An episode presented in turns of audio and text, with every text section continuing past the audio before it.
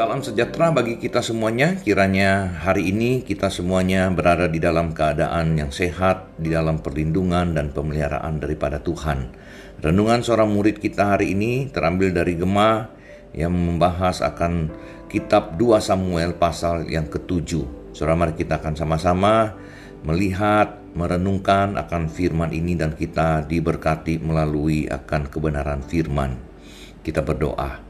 Tuhan Bapa di surga, kami datang kepada Tuhan pada saat ini. Engkau adalah Allah yang maha kuasa, maha besar. Firman-Mu Tuhan menolong kami hari ini. Kami dapat menjalani kehidupan ini dengan berpegang kepada firman Tuhan yang senantiasa menuntun, membimbing, dan menguatkan kami. Terpujilah namamu ya Tuhan. Kami mendengar, kami membaca, kami merenungkan, dan kami melakukan firman. Dalam nama Tuhan Yesus Kristus kami berdoa. Amin. Saudara sekalian, kisah di dalam 2 Samuel pasal yang ketujuh ini satu kisah yang sangat menarik, Saudara. Kita melihat Daud sudah berada di dalam yang keadaan yang nyaman. Dia udah aman, dia sudah menjadi raja, dia memiliki segalanya.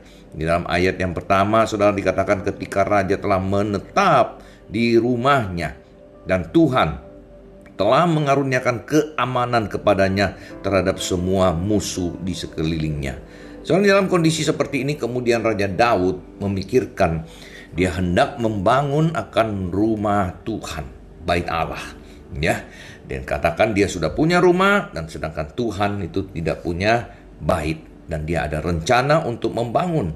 Nah, saudara kemudian kita tahu dari kisah ini, ya nanti saya minta saudara membaca kembali ya dengan 2 Samuel pasal yang ketujuh ini saya lanjut aja dengan kisah ini.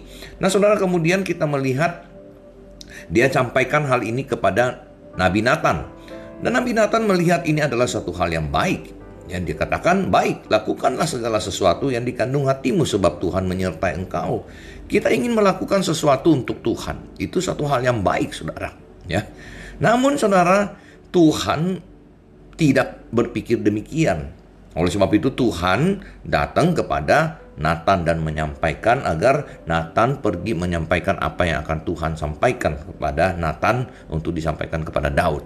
Nah, saudara di sini Tuhan kemudian mengatakan bukan bukan Daud yang akan membangun akan rumah baginya, Ya, bahkan saudara Tuhan di sini kemudian berbalik kembali dari bagaimana Tuhan yang memimpin bangsa Israel keluar sampai memberikan keamanan kepada mereka sampai saat ini. Dengan kata lain saudara, Tuhan hendak memberitahukan Daud, kamu apa kamu hari ini itu bukan karena kamu kamu hari ini menjadi raja. Kamu hari ini ada di dalam keadaan yang enak dan aman.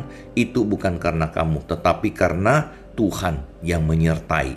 Nah, saudara, kemudian di sini juga dikatakan bahwa Tuhan memberitahukan bahwa jika sudah selesai akan tugasnya daripada Daud, maka Tuhan akan meng berikan akan keturunan kepadanya, kemudian nanti keturunan inilah yang akan membangun akan akan rumah Tuhan. Ya, saudara, di sinilah dia di dalam ayat 13 dikatakan, ya mulai dari ayat 12, apabila umurmu sudah genap dan engkau telah mendapat perhentian bersama-sama dengan nenek moyangmu, maka aku akan membangkitkan keturunanmu yang kemudian, anak kandungmu, dan aku akan mengokohkan kerajaannya Dialah yang akan mendirikan rumah bagi namaku dan aku akan mengokohkan tahta kerajaannya untuk selama-lamanya.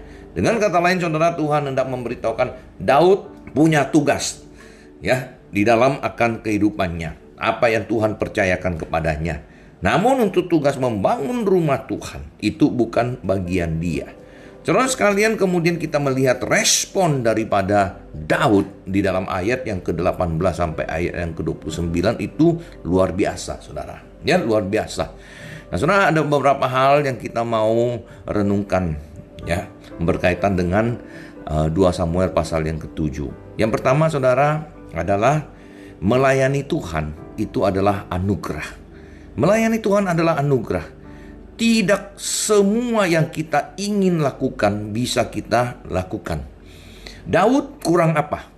dia raja, dia kaya, dia punya segalanya. Membangun satu rumah Tuhan, baik Allah, itu pekerjaan yang sangat simpel, yang sangat kecil. Namun saudara di sini kita lihat bahwa Tuhan mengatakan Daud, bukan kamu, bukan kamu.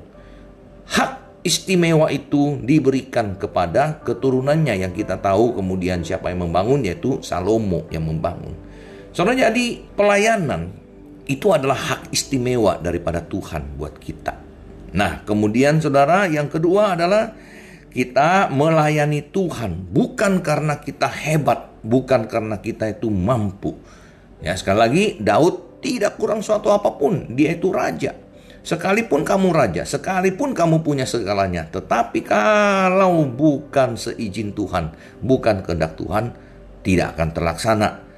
Nah, saudara, kemudian yang ketiga adalah melayani Tuhan harus meninggikan Tuhan. Harus meninggikan Tuhan dalam pengertian begini, saudara. Bahwa ketika kita melayani Tuhan, siapa yang harus ditinggikan? Siapa yang mendapat kehormatan? Apakah motivasi daripada Daud membangun akan rumah Tuhan ini agar dia kemudian mendapatkan nama. Dia dikatakan hebat, dia yang membangun rumah Tuhan. Apakah kemuliaan daripada pembangunan ini adalah untuk Daud atau untuk Tuhan? Kita tidak tahu, saudara. Namun dari respon dan sikap kita bisa tahu. Itu selalu menjadi pegangan bagi saya, saudara, sering kali di dalam pelayanan. Nah, saudara kita lihat respon daripada Daud luar biasa. Ketika Tuhan mengatakan bukan kamu tapi keturunanmu. Bahkan Tuhan akan memberkati keturunannya. Daud itu tidak marah, saudara.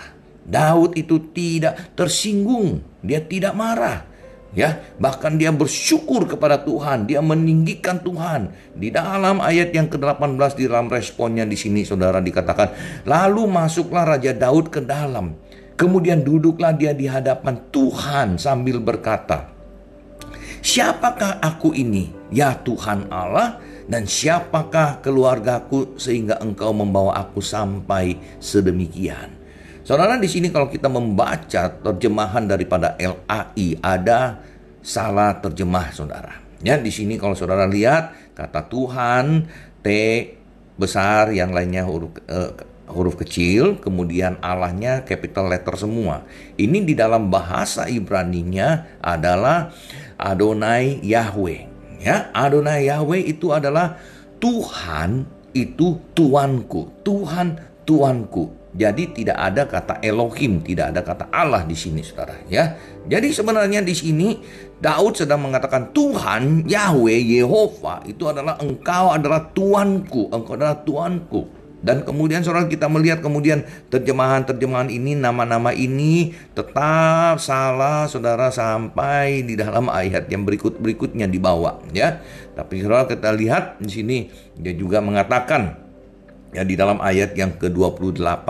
Oleh sebab itu, ya Tuhan, Allah lagi lah, engkaulah Allah. Nah, Saudara, saya terjemahkan begini. Oleh sebab itu ya Tuhan Tuanku, engkaulah Allah dan segala firman mula kebenaran.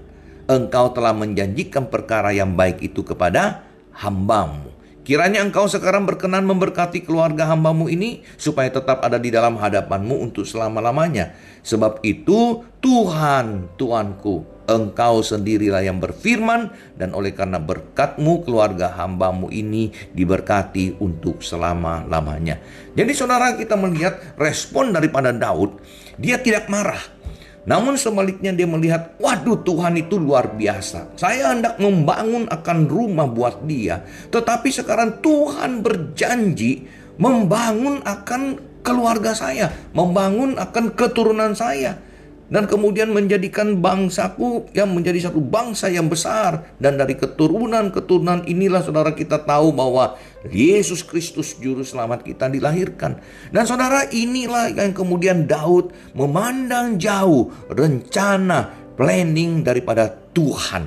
Dia tidak melihat kehendaknya sendiri. Dia tidak mencari kemuliaan diri sendiri saudara sering kali di dalam kita melayani Tuhan kita sering saudara sangat-sangat mementingkan akan kepentingan keinginan kita. Apa yang kita inginkan, ingin lakukan ini dan kemudian kalau kita tidak bisa, saudara, kemudian kita kemudian marah. Nah, saudara, di sana kemudian kita melihat motivasi daripada pelayanan sebenarnya. Ketika kita marah, saudara, ketika apa yang kita inginkan, yang kita ingin lakukan, kemudian kita tidak dapat melakukannya, orang lain tidak setuju atau yang lain begini, kita kemudian marah, kita quit pelayanan, kita tidak mau lagi melayani Tuhan. Kenapa? Kita mengatakan sering kali kita mengatakan karena orang tidak setuju dengan saya.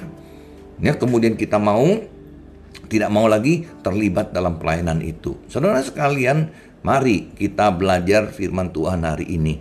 Anugerah yang Tuhan berikan kepada kita di dalam kita melayani Tuhan itu adalah satu hak yang istimewa. Melayani Tuhan Bukan karena kita mampu, bukan karena jabatan kita, bukan karena uang kita banyak, bukan karena kekayaan kita. Dan jangan lupa, semuanya itu Tuhan katakan itu pun dari saya, dari Tuhan. Nah kemudian saudara, di dalam semua yang kita lakukan, marilah kita mencari kehendak Tuhan mencari apa yang memuliakan Tuhan di dalam akan kehidupan kita. Kiranya Tuhan memberkati kita semuanya, saudara. Mari kita tetap mencintai Tuhan, mengasihi Tuhan, senantiasa baca firman, berdoa, dan hidup seturut dengan akan rencana dan pimpinan Tuhan dalam kehidupan kita. Mari kita berdoa.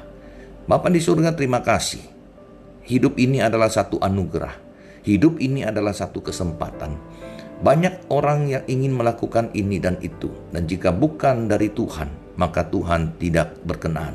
Oleh sebab itu, Tuhan ajar kami setiap kali kami ingin melakukan hal apa pun, dan sering kali hal itu adalah baik di mata manusia, memuliakan Tuhan.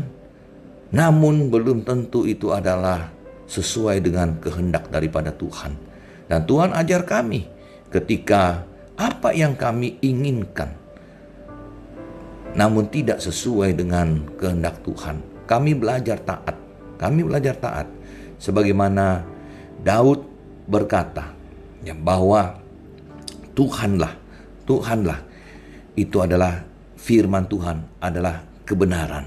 Firman Tuhan adalah kebenaran. Tuhan, Engkau adalah Tuhan kami. Kami melayani Engkau dan Engkau adalah Allah. Terima kasih Tuhan, terpujilah namamu. Dalam nama Tuhan kami, Yesus Kristus, penebus, juru selamat kami, kami berdoa. Amin.